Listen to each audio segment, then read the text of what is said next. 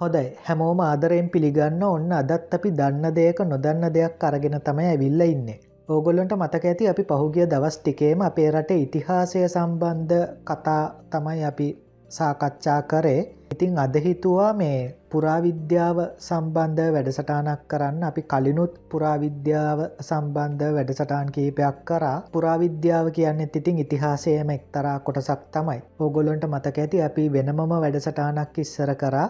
අපේ රට ඉතිහාසය අධ්‍යයනය කරන්න අපිට උපකාරී වෙන මූලාශ්‍ර සම්බන්ධව. ඉතින් ඒ වැඩසටාන ඇව්වනම් ඕගොල්ලොන්ට මතක ඇති අපි ඉතිහාසය අධ්‍යයනය කරන්න අපිට උපකාරී වෙන මූලාශ්‍ර ප්‍රධාන වශයෙන් කොටස් දෙකට බෙදවා ඒ තමයි සාහිත්‍ය මූලාශ්‍රසා පුරාවිද්‍යාත්මක මූලාශ්‍ර. එතකොට පුරාවිද්‍යාත්මක මූලාශ්‍රත් අපි අධ්‍යයනය පහසුවට කොටස් තුනකට බෙදවා සෙල්ලිපි කාසි සහ නටබුන් කියලා. ඉතිං අද වැඩ සටහනේදී අපි සාකච්ඡා කරන්න බලාපොරොත්තු වෙන්නේ අභයගිරි විහාර සංකීර්ණය ගැන අද වැඩ සටහනේදී අභයගිරි විහාර සංකීර්ණය ගැන කතා කරත් මගේ අදහස තියෙන්නේ අනුරාධපුර රාජධානියට නැත්නං අනුරාධපුර යුගයට අයිති වෙන ප්‍රධාන පෙළේ පූජනය සිද්ධස්ථාන සම්බන්ධව දිගෑරෙන පුරාවිද්‍යාත්මක ගවේශනාත්මක වැඩසටාන් මාලාවක් විදිහට අරගෙන යන්න. ඉතිං ඒ වැඩසටාන් මාලාවේ පලවෙනි පුරාවිද්‍යාත්මක ස්ථානය විදිහට තමයි මං අභයගිරි විහාර සංකීර්ණය තෝර ගත්තේ. එතකොට අභයගිරි විහාරය කියන්න මොකක්ද කියලා ඔගොල්ල දන්නව ඇති අභයගිරි විහාරය ගැන අපි පොඩ්ඩක් අපි මේ ඉතිහාස ඒ ඉගෙනගෙන තියෙන කරුණු ගැන නැවත විවරණයක් කල්ල බැලුවොත් අභයගිරි විහාරය වලගම්බාරජ්ජුරුවෝ නිර්මාණය කලා කියලත් එහෙම නිර්මාණය කළේ ගිරි කියන නිගන්ටයාගේ ආරාමය තිබුණු තැන කියලත් කුපික් කළ තිස්ස හාමුදුරුවන් ඇතුළු මහා සංගරත්නයට මේ විහාරස්ථානය පූජා කලා කියලත් ඒ පූජාවට මහාවිහාරය භික්‍ෂූන්ගේ විරෝධතා මතුවනා කියලත් ඒ විරෝධය පසුකාලයක නිකායවල් විදියට වෙන්වෙන්ම කටයුතු කරන්න හේතුවනා කියලත් අභයගිරිය කේන්ද්‍ර කරගෙන විශාල අධ්‍යාපනික ප්‍රබෝධයක් ඇති වුණා කියලත් අභයගිරියට ජාත්‍යන්තර මට්ටමේ පිළිගැනීමක් ලැබුණ කියලත් විදේශීය රටවලින් තේරවාදී වගේම මහායානික හාමුදුරුවරුත් මේ තැනට වැඩම කල්ලා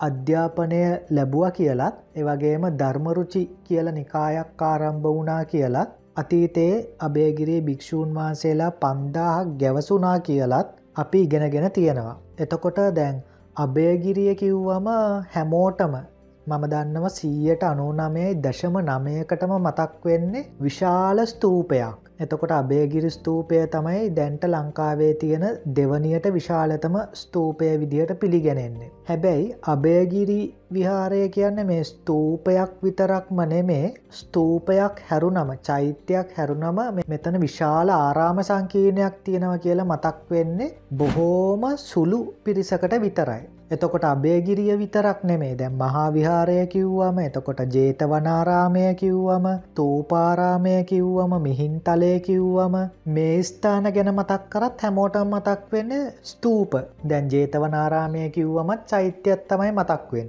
තූපාරාමය කිව්වමත් චෛත්‍යයක් මතක් වෙනවා. මිහින්තලය කිව්වම මිස්සක පව්ව නැත්නම් මහින්ද මහරාතන් වහන්සේ ඒ පාදස්පාර්ශය ලබපු ඒ ගල් තලාව තමයි මතක් වෙන්න හැබැයි මේ කාටවත් මතක් වෙන්නෑ මේව ඇවිල්ලා විහාර සංකීර්ණ කියලා. ඉතින් මේකට ප්‍රධානතම හේතුව වෙන්නේ අපේ ගොඩක් අය අනුරාධපුරය ගියාම ඔය සාම්ප්‍රදායක අටමස්ථාන වන්දනාවට විතරයි කොටු වෙලා ඉන්න අටමස්ථාන වලටම තමයි මේ විහාර සංකීර්ණ අයත් වෙන්නෙත්. ඒ ගියත් ඔය චෛත්‍ය බලල එනව මිසක් ඒ චෛත්‍ය වටේ තියෙන්නේ මොනවද කියලා ඒ ආරාම සංකීර්ණය සීමාමායිම්වලට ගිහිල්ලා ඒ තියෙන්නේ මොනවද කියලා බලන්න. ඉතිං ගොඩක් කලාට මේකට තවත් හේතුවත් තමයි මේ වන්දනා ගමනක් යන එක.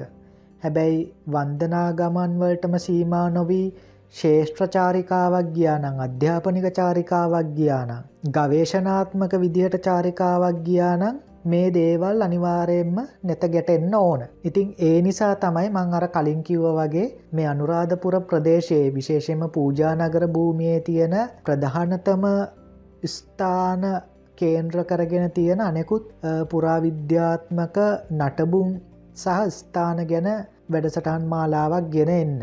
ඉතිං අර මං කලින් කිව්ව වගේ මේ වැඩ සටානයේද අපි සාකච්ඡා කරන්න බලාපොරොත්තු වෙන්නේ අනුරාධපුරේ අබේගිරි විහාර ස්තූපය වටේ තියෙන අනෙකුත් අන්ග ගැන එහෙම නැත්නම් කොටින්ම කිව්වොත් අබේගිරි විහාර සංකීර්ණය ගැන. ඉතිං අබේගිරි විහාර සංකීර්ණය ගැන සාකච්ඡා කරනකොට මුලින්ම අපිට හම්බවෙන්න අභිෂේක මණ්ඩපය.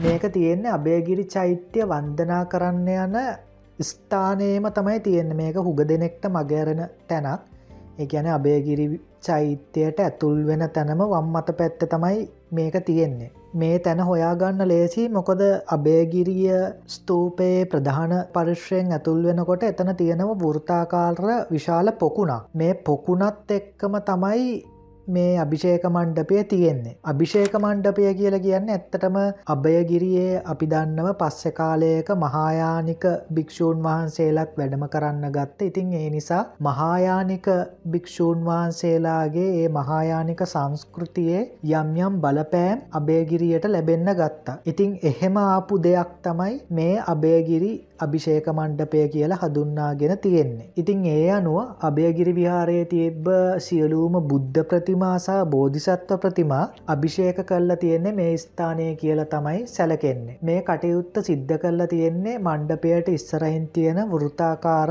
ප්‍රධාන පොකුණෙන් ලබාගත්තු සුවද පැන්වලින්. එතකොට පැන්බදුන් සහ මේ ප්‍රතිමා තැන්පත් කරපු කුඩා කුඩා වේදිකා වගේම අභිෂේක ජලය රදවාගත්තු කානුත් අදටත් අපිට මේ ස්ථානයට කියොත් දෙක බලාගන්න පුළුවන්. ඊට පස්සේ අපි එමු අභයගිරි බෝධිගර අංක දෙකට. දැන් අභයගිරි විහාර සංකීර්ණය කිව්වම අභයගිරි විහාර සංකීර්ණය වටා බෝධිගර කිහිපයක් තියෙනවා. ඒ අතරින් ප්‍රධානතම බෝධිගර තුනක් හදුනාගෙන තියෙනවා මේ බෝධිගර තුන අධ්‍යයනය පහසුවට නැත්නම් හදුනා ගැනීමේ පහසුවට බෝධිගරංක එක බෝධිගරංක දෙක බෝධිගරංක තුන කියලා හදුන්වනවා. එතකොට මේ බෝධිගරංක දෙක කියලා හදුන්වන ස්ථානය තියෙන්නේ තියෙන්නේ අභයගිරි චෛත්‍ය පේනතෙක්මානයමයි අභයගිරි ස්තූපයට ඇතුල් වෙන පිවිසුම පහු කරගෙන ටික දුරක් ඉස්සරහට යනකොට පාර වම්මත පැත්ත තමයි අභයගිරි බෝධිගරංක දෙක අපිට දැගගන්න පුළුවන් වෙන්නේ. මේ ස්ථානය දැන්ට ඉතුරු වෙලා තියෙන ප්‍රධානතමංගය තමයි ඩොලමයිට් පාෂානයෙන් නිර්මාණය කරලා තියෙන ඉදිපිළිම වහන්සේ. එතකොට සමාධි පිළිම අංක දෙක කියලත් සමහරු මේක හදුන්වනවා ඒ අර අපි දැන් අනුරාධපුරය සමාධි බුද්ධ ප්‍රතිමාව කිව්වාම එහෙම තියෙන සුප්‍රසිද්ධ සමාධි බුද්ධ ප්‍රතිමාව අල්ලලා තමයි මේ නම දාලා තියෙන සමාධි පිළිම අංක දෙක කියලා හැබැයි එහෙම කිව්වට මේක ඇත්තටම සමාධි පිළිමයක් නෙවේ. ක්‍රිස්තුවාශ හයවෙනිසා අටවෙනි සියවස් අතර නිර්මාණය වෙලා තියෙන මේ ප්‍රතිමාවේ අත් දෙක මේ වෙනකොට විනාශ වෙලා ගිහිල්ල තියෙනවා අත් දෙක දකින්න නැහැ. ඉතිං ඒ නිසා මේ ප්‍රතිමාවෙන් මොනාකාරයේ මුද්‍රාවක් නිරූපණය වුණාද කියලා නිශ්චිතවම කියන්න බැහැ හැබැයි ප්‍රතිමා ලක්ෂණ අනෙක් ලක්ෂණ අධ්‍යනය කරපු පුරාවිද්‍යාඥයින් සැක කරනවා මේ ප්‍රතිමාවෙන් විතර්ක මුද්‍රාව නිරූපණය වෙන්න ඇති කියලා. එතකොට මං දැන් ටිකට කලින් කිව්ව මේ ප්‍රතිමාව අත් දෙක නැහැ කියලා ඉතිං ඒ නිසා සමහර මේ ප්‍රදේශය ඉන්න අය මේ ප්‍රතිමාව අත්කොට ප්‍රතිමාව කියලත් හදුන් වනවා. ඩොලමයිට් පාශානයෙන් කැටයන් කල්ල තියෙන මේ ප්‍රතිමාවේ උස ආසන්න වශයෙන් අඩි හයක් සහ අගල් නමයක් වෙනවා. ඉස්සර මේ ප්‍රතිමාවේ නේත්‍රවලට කියන්නේ බුදුහාමුදුරුවන්ගේ ඇස්වලට මැනික්ගල් ඔබ්බවලා තිබිල තියෙනවා කියලා ඉතිහාසඥයෝ විශ්වාස කරනවා. ඉතින් මේ පිළිමය වීරාසන ඉරියව්වෙන් තමයි තියෙන්නේ. ඉතින් මේ ප්‍රතිමාවේ දකින්න තියෙන ඒකාංශ පාරූපණයෙන් යුක්ත චීවරයක්. ඒ කියන එක උරහිසක් විතරයි චීවරයෙන් වෙහිලා තියෙන්නේ. ඉතින් මේ චීවරය වම්මුරහිස හරහාගිහින් වම්මත ඔස්සේ උකුලට වැටිල තියෙන ආකාරයක් දකින්න පුළුවන්. මේ චීවරයේ රැලි කිසිවක් කැටයන් කල්ල නැහැ. මේ බුද්ධ ප්‍රතිමාවේ තියෙන විශේෂ ලක්ෂණයක් තමයි මේ ප්‍රතිමාවේ තියෙන අංගලක්ෂණ හරිම මේ පැහැදිලි. හරිම මේ ප්‍රසන්නයි ශරීර ස්වභාවයක් ඒවගේම මේ ශරීරාංග වල ගැලපීමක් තියෙනවා. ඒ කියන්නේ දැන් බුද්ධ ප්‍රතිමාවක් ගත්තහම බුද්ධ ප්‍රතිමාවක් නෙමේ ඕනෑම මිනිස්රූපයක් ගත්තාම මේ මිනිස්රූපයේ තියෙන ලක්ෂණ අංග එකැන කං ඇස් නාසය කට නිකට ඒ හැම දෙයක්ම නියමිත පරිමාණයෙන් තමයි සකස් කරලා තියෙන්නේ. ඉතින් ඒ නිසා හරියටම මේ ප්‍රතිමාවේ තියෙන ශරීරාංග ගැලපෙනවා. ඒ නිසා පුරාවිද්‍යාඥයන් මේ ප්‍රතිමාව අපේ රටෙන් හොයාගත්තු ඉහළම ලක්ෂණ තියෙන විශිෂ්ටතම ප්‍රතිමාවක් විදිහට හදුන්වනවා. ඊට පස්සේ මේ දැම් මේ බෝධිගරයක් ගැන මේ කතාව මේ ස්ථානයට කියන්නේ අබේගිරි බෝධිගරංක දෙක කියලා දැ හැබැයි අපි මේ කතා කරන්න ගත්ත බුද්ධ ප්‍රතිමාව ගැන මොකොද ස්ථානය දැනට තුරුවෙලා තියෙන මේ බුද්ධ ප්‍රතිමාව විතරයි. ඉතිං මේ ස්ථානයේ තිබ බෝධිගරය ඉදිරිපිට තමයි මේ ප්‍රතිමාවහන්සේ නිර්මාණය කල්ල තියෙන්නේ. එතකොට තව මේ ආසන්නේ පොඩි තව කුඩා ප්‍රමාණය ඉදි ප්‍රතිමාවක් තියෙනවා පැරණි ගොඩනැගිලීවල අත්තිවාරං කොටස්සා ගල්කණු කීපයක් මේ ඉසව්වේ දැකගන්න පුළුවන්. ඊට පස්සේ මේ බෝධිගර අංක දෙක සහ මේ බුද්ධ ප්‍රතිමාවට පිටිපස්සෙන් තමයි අභයගිරි විහාරයේ සංගාරාමය පිහිටලා තියෙන්නේ. එතකොට අභයගිරි විහාරයේ සංගාරාම කිහිපයක් තියෙනවා. මේ බෝධිගරංක දෙකට පිටිපස්සෙන් පීටලා තියෙන සංගාරාමය හදුන්වන්නේ අභයගිරියේ ප්‍රධානතම සංගාරාමය විදිහට ඒම නැත්නම් අභයගිරියේ තියෙන ඉපැරණිතම සංගාරාමය විදියට තමයි මේ ස්ථානය හදුන්වන්නේ. ඉතිං ඉපැරණි ප්‍රෞඩ ශිෂ්ඨාචාරයක වතගොත හෙළි කරන මේ සංගාරාමය අනුරාධපුරයට එන හැම කෙනෙක්ම අනිවාරෙන්ම දැකබලාගන්න ඕන මොකද මේක ඇත්තටම හැම ලක්ෂණයක්කින්ම හැම පහසුකමකින්ම සමංවිත වෙලා තිබ්බ සංගාරාමයක් විදියට තමයි හඳුනාගෙන තියෙන්නේ. දැන් චීන ජාතික පාහියන් හාමුදුරුවන්ගේ වාර්තානුව අභයගිරියේ දේශය සහ විදේශය භික්‍ෂූන් වහන්සේලා පන්දාහක් නේවාසිකව ඉදලා අධ්‍යාපනය ලබල තියෙනවා. ඉතින් මේ සංගාරාමය තුළත් අනිවාරයෙන් භික්‍ෂූන් වහන්සේලා සැලකිය යුතු ප්‍රමාණයක් වැඩවාසය කලාට කිසිම සැකයක් නෑ. මේ භූමියයට ඇතුල්වෙන්න තියෙන සාමාන්‍ය ප්‍රමාණය ගල් වියනක් යටින් ගල් වියනින් පිවිසුනාම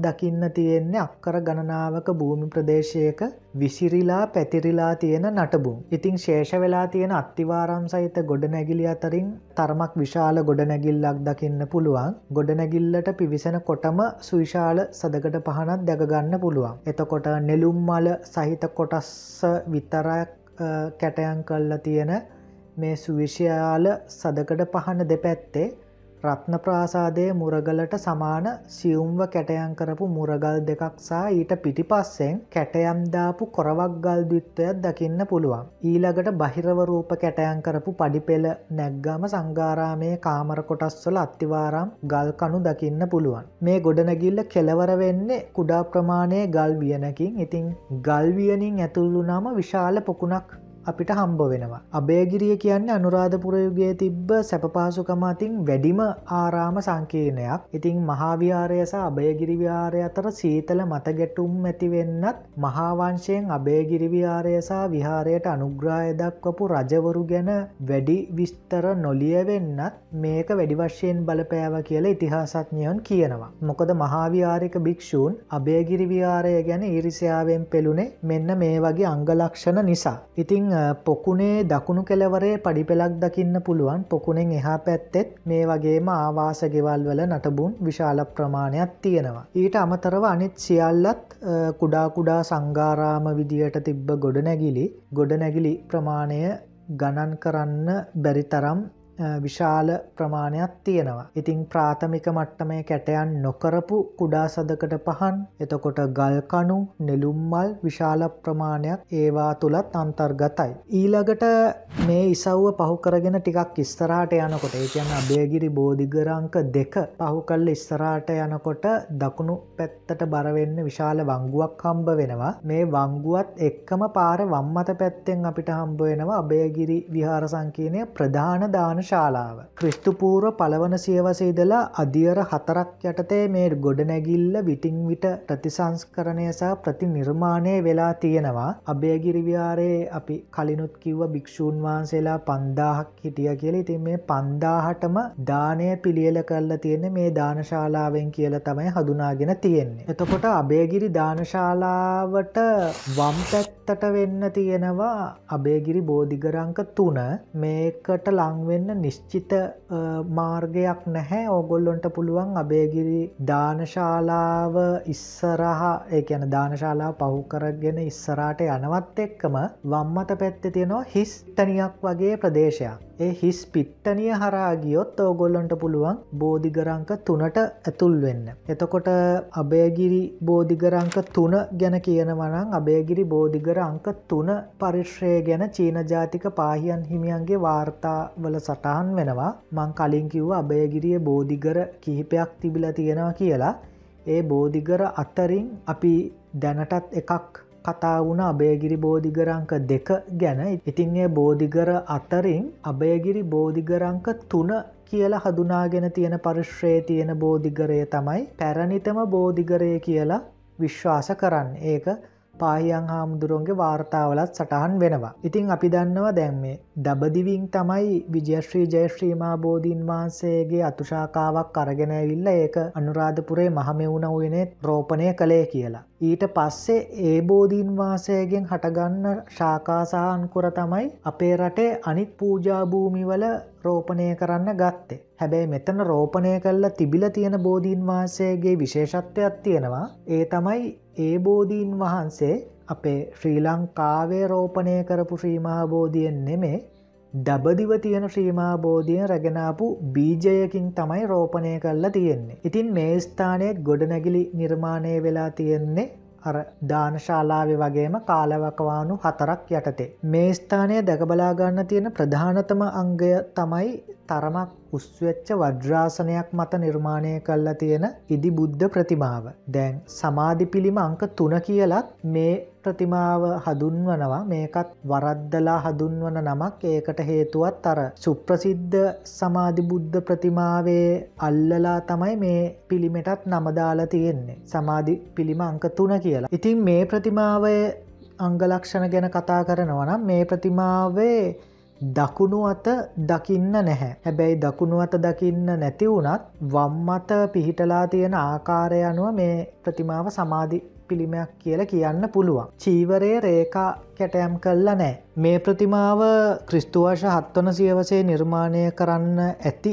කියලා විශ්වාස කරනවා. එතකොට අපි දැන් අර අභයගිරි බෝධිකර අංක දෙකේ බුද්ධ ප්‍රතිමාව ගැන සාකච්ඡා කරද්දි අපි කිව්වා ඒ දෙනෙත්වල කුහරවලට නැත්නම් නේත්‍රාවිදියට මේ මැනික්ගල් ඔබ්බවලා තියෙන්න ඇති කියලා පුරාවිද්‍යාඥයන් සැක පහල කරනවා කියලා. ඉතින් මේ අභයගිරි ආසනකර අංක තුනේ බුදු පිළිමේ ඇස් කුහර තියෙනවා ඒ ඇස් කුහරවලටත් නේත්‍රාවිදියට මැනික්ගල් ඔබවලා තියෙන්නේ ඇති කියලා ඉතිහාසඥයන් මතයක් ගොඩ නගල තියෙනවා. ඉතිං මේ බුද්ධ ප්‍රතිමාව වටේට තව ප්‍රතිමා තිබුණාය කියලා විශ්වාස කරන්න පුළුවන්සා මේ සිරිපතුල් ගල් විස්සකට ආසන්න ප්‍රමාණයක් දැකගන්න පුළුවන්. මේ ස්ථානයට පිවිසෙන්න තියෙන අලංකාර කැටයම්දාපු ඉපැරණි මණ්ඩපයක් යටින් අදනං ඒකට බාරෝස් මණ්ඩපය කියල තමයි කියන්නේ මේ මණ්ඩපයට ඉස්සරයින් හතරවෙනි මහින්දසා පස්වන කාශ්‍යප කියන රජවරු පිහිටවපු සෙල්ලිපි දෙකක් දැකගන්න පුළුවන්. මේ සෙල්ලිපිවල ඒ ඒ කාලවකවානුවල අබේගිරි විහාරයට පූජා කරන ලද දේවල් සහ විහාරසීමාව තුළ ගොඩනැගුණු නීතිරීති පද්ධති ගැන අන්තර්ගත වෙලා තියෙනවා. ඊට පස්සේ අපි පොඩ්ඩක් මේ අබේගිරි ආරාම විහාරයේ සීමාව පැත්තටයන් අපිට සීමාව පැත්තට යනකොට අපිට නටබුන් කිහිපයක් හම්බ වෙනවා. එතකොට මේ නටබුන් නම් කල්ලා තියෙන කපාරා මූලය කියලා. මේවා ඇත්තටම තියෙන්නේ අබේගිරි විහාර සංකීර්ණය මායිමට වෙන්න. එතකොට ඒ කාලේ අබේගිරි විහාර සංකීර්ණ කොටස් හතරකට බෙදල තිබිල තියෙනවා. ඒ තමයි උත්තරමූලය මහනෙත්මූලය වහදුමූලය කපරාමූලය කියලා. එතකොට කපරාමූලය කියන්නේ අබේගිරි විහාර සංකීනයේ තිබිච්ච එක්තරාකාරයක සීමාවක්. එතකොට කපරාමූලයාශ්‍රිත ප්‍රදේශයේ විදේශය භික්‍ෂූන් වහන්සේලා වැඩවාසය කලා කියලා අප්‍රසිද්ධ මතයක් තියෙනවා. නටබුන් වෙලා ගියපු පරණ ගොඩනැගිලි කීපයක අත්තිවාරං කොටස් මෙතැන්දි අපිට දැකගන්න පුළුවන්. ඊට පස්සේ අභයගිරියේ ප්‍රතිමාගෘහය පිහිටලා තියෙනවා අනුරාධපුරේ රත්න ප්‍රාසාදයට වම් පැත්තට වෙන්න. ඉතිං මේ ප්‍රතිමාගෘහයත් ඇත්තටම මේ අභයගිරි විහාරයේ තිබ්බ ප්‍රතිමාගෘහ ඒ ගැන පිළිමගෙවල් වලින් එක පිළිමගයක් විතරයි. එතකොට මේ ගොඩනැගිල්ල අත්තිවාරං කොටස් දයා හොදට බැලුවොත් ගොඩනැගිල්ල කොටස් කිහිපයකට වෙන් කල්ලා තිබුණාය කියලා දැකගන්න පුළුවන්. ගොඩනැගිල්ලේ කෙලවරින් ප්‍රාථමික මට්ටමේ සදකට පහනක් සහ මේ පඩිපෙලක් තියෙනවා. ඉට පස්සේ වද්‍රාසනයක් දකින්න පුළුවන්. ඉතින් පුරාවිද්‍යාඥයන් හඳුනාගෙන තියෙනවා මේ ගොඩනැගිල්ලත් ඉපැරණි අවදියේ ඉදලා පසු අවදිය වෙනකං අවදි හතරකට මේක ප්‍රතිසංස්කරණය සහ ප්‍රතිනිර්මාණය වෙලා තියෙන් ඇති කියලා. මොකොද අවදි හතරක ගොඩ නැගිලි ලක්ෂණ තියෙනවා. එවගේම මුල් ගොඩ නැගිල්ලේ ලක්ෂණ වෙනස් කරන්න නැතුව භාවිතා කරලා තියෙනවා කියලත් කැනීම්වලින් හොයාගත්තු කණු වලවල් වලින් ඔප්පු වෙලා තියෙනවා. ඊට පස්සේ සන්නිපත ශාලාව කියලා ශාලාවක් තියෙනවා මේ සන්නිපත ශාලාව කියල සාමාන්‍යයෙන් හඳුන්වන්නේ රැස්වීම් පවත්වන ශාලාවට. එතකොට අභයගිරි විහාරයේ භික්‍ෂූන් වහන්සේලාසා ගිහි පාශවයන් රැස්වීම් පවත්වන්න භාවිතා කරපු ශාලාව අභයගිරි සන්නිපත ශාලාව කියලා හඳුන්වනවා. මේ තමයි අපේ රටෙන් හොයාගත්ත විශාලතම සන්නිපත ශාලාව. මේක නිර්මාණය කල්ල තියෙනවා අභයගිරි ස්තූපය ඉස්සරහට වෙන්න.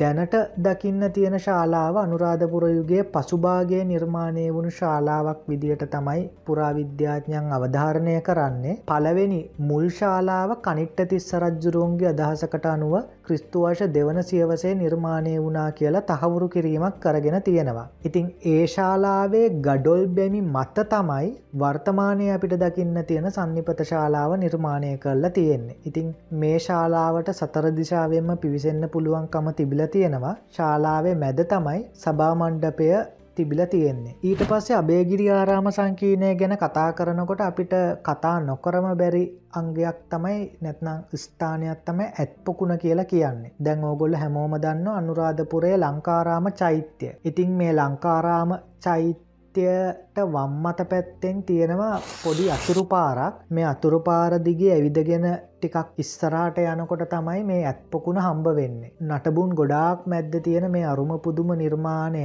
අභයගිරි විහාරයේ භික්‍ෂූන් වහන්සේලාගේ ජලවශ්‍යතා සදා නිර්මාණය වුණු පොකුණක්. පොකුණක් කිව්වට මේක විශාල තටාකයක් ඉතිං දිගින් අඩි පන්සීයක් සහ පලලින් අඩි එකසිය පණහක් වෙන මේ පොකුණේ ගැබුර අඩි තිහක් විතර වෙනවා. ඉතින් මේක තියෙන විශේෂත්වය තමයි ජාත්‍යන්තර මට්ටමේ ඔලිම්පික් පිහිනුම් තටාක හයක ප්‍රමාණයෙන් යුක්ත වෙනවයි කියන්නේ ජාත්‍යන්තර මට්ටමේ ඔලිම්පික් පිහිනුම් තටාක හයක දිග තමයි මේ පොකුණ තියෙන්නේ. පොකුණට ජලය සැපෙන්නේ බසවක්කුලම වැවෙන් කියල තමයි දැන්ට තියෙන මතය ඒ භූගත උමන් මාර්ග හරහා.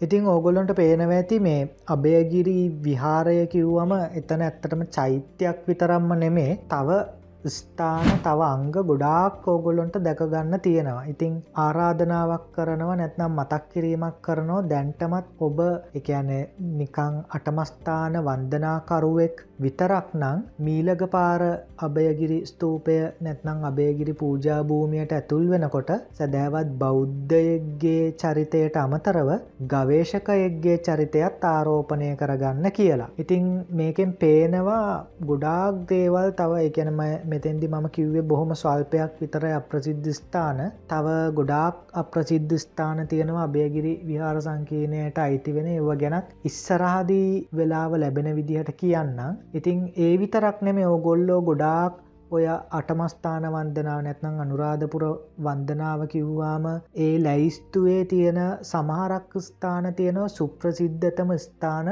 ඒවයිනුත් ගොඩක් එව්වා අභයගිරි විහාරයට තමයි අයිති වෙන්නේ. ඉතිං ඕගොල්ලෝ නොදැනුවත්ව වුණත් ඒ ස්ථානත් බලන්න ගිහිල්ල තියෙනව එව්වත් අභයගිරි විහාරයට අයිති වෙන්නේ එකක් දෙකක් මතක් කරන වනම් අභයගිරි බෝධිගර අංක එක අයිති වෙන්නේ අභයගිරි විහාර සංකීනයට අභයගිරි බෝධිගරංක එක කියන්නේ ඕගොල්ලෝ අපි හැමෝම දන්න ගිහිල්ල තියෙන සුප්‍රසිද්ධ සමාධි බුද්ධ ප්‍රතිමාව කියන ප්‍රදේශය.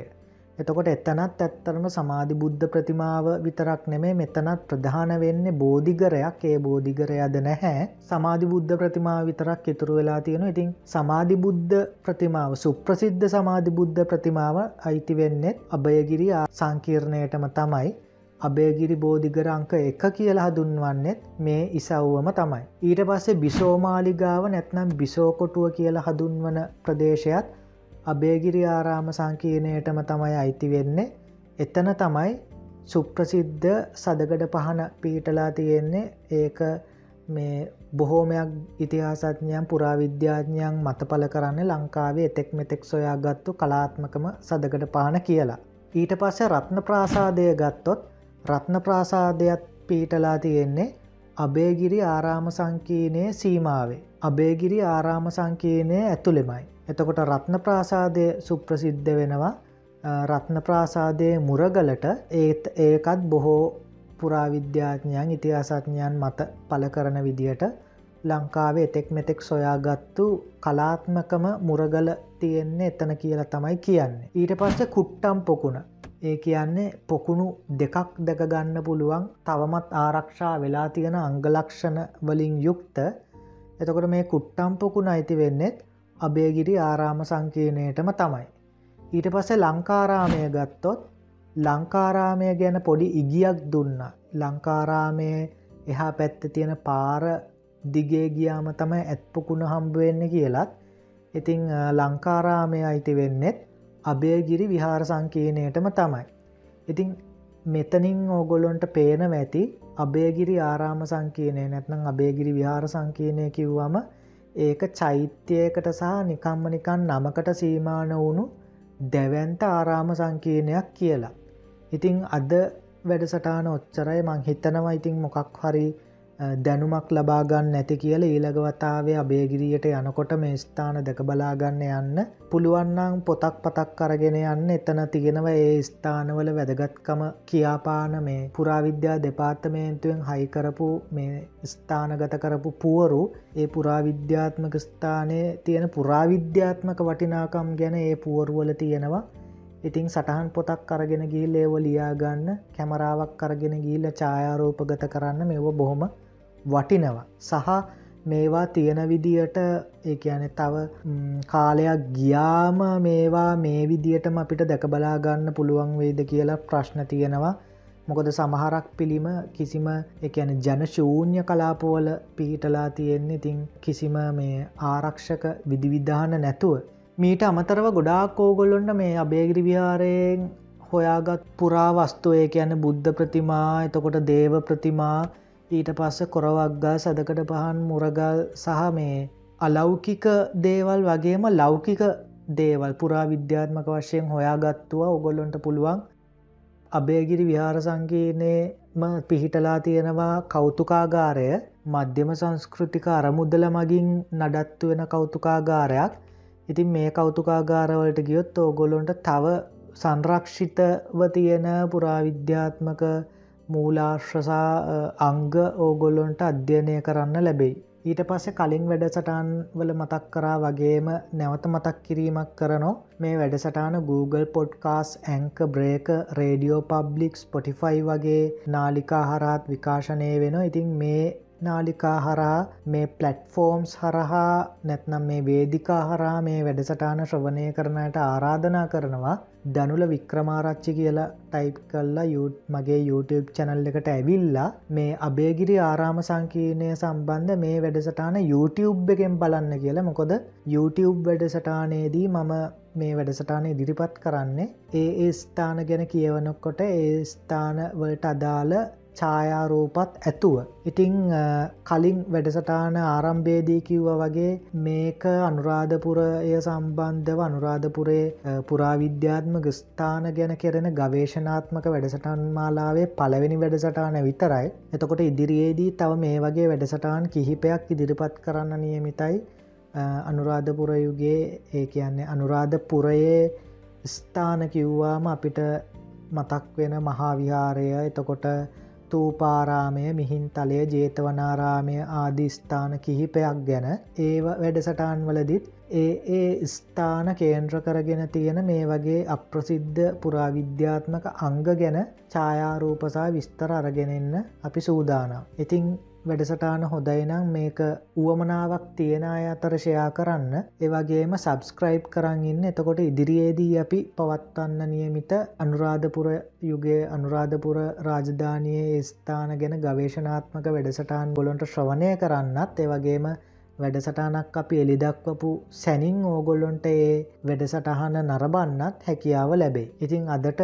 එච්චරයි බොහොම ස්තුති සම්බන්ධ වනාට.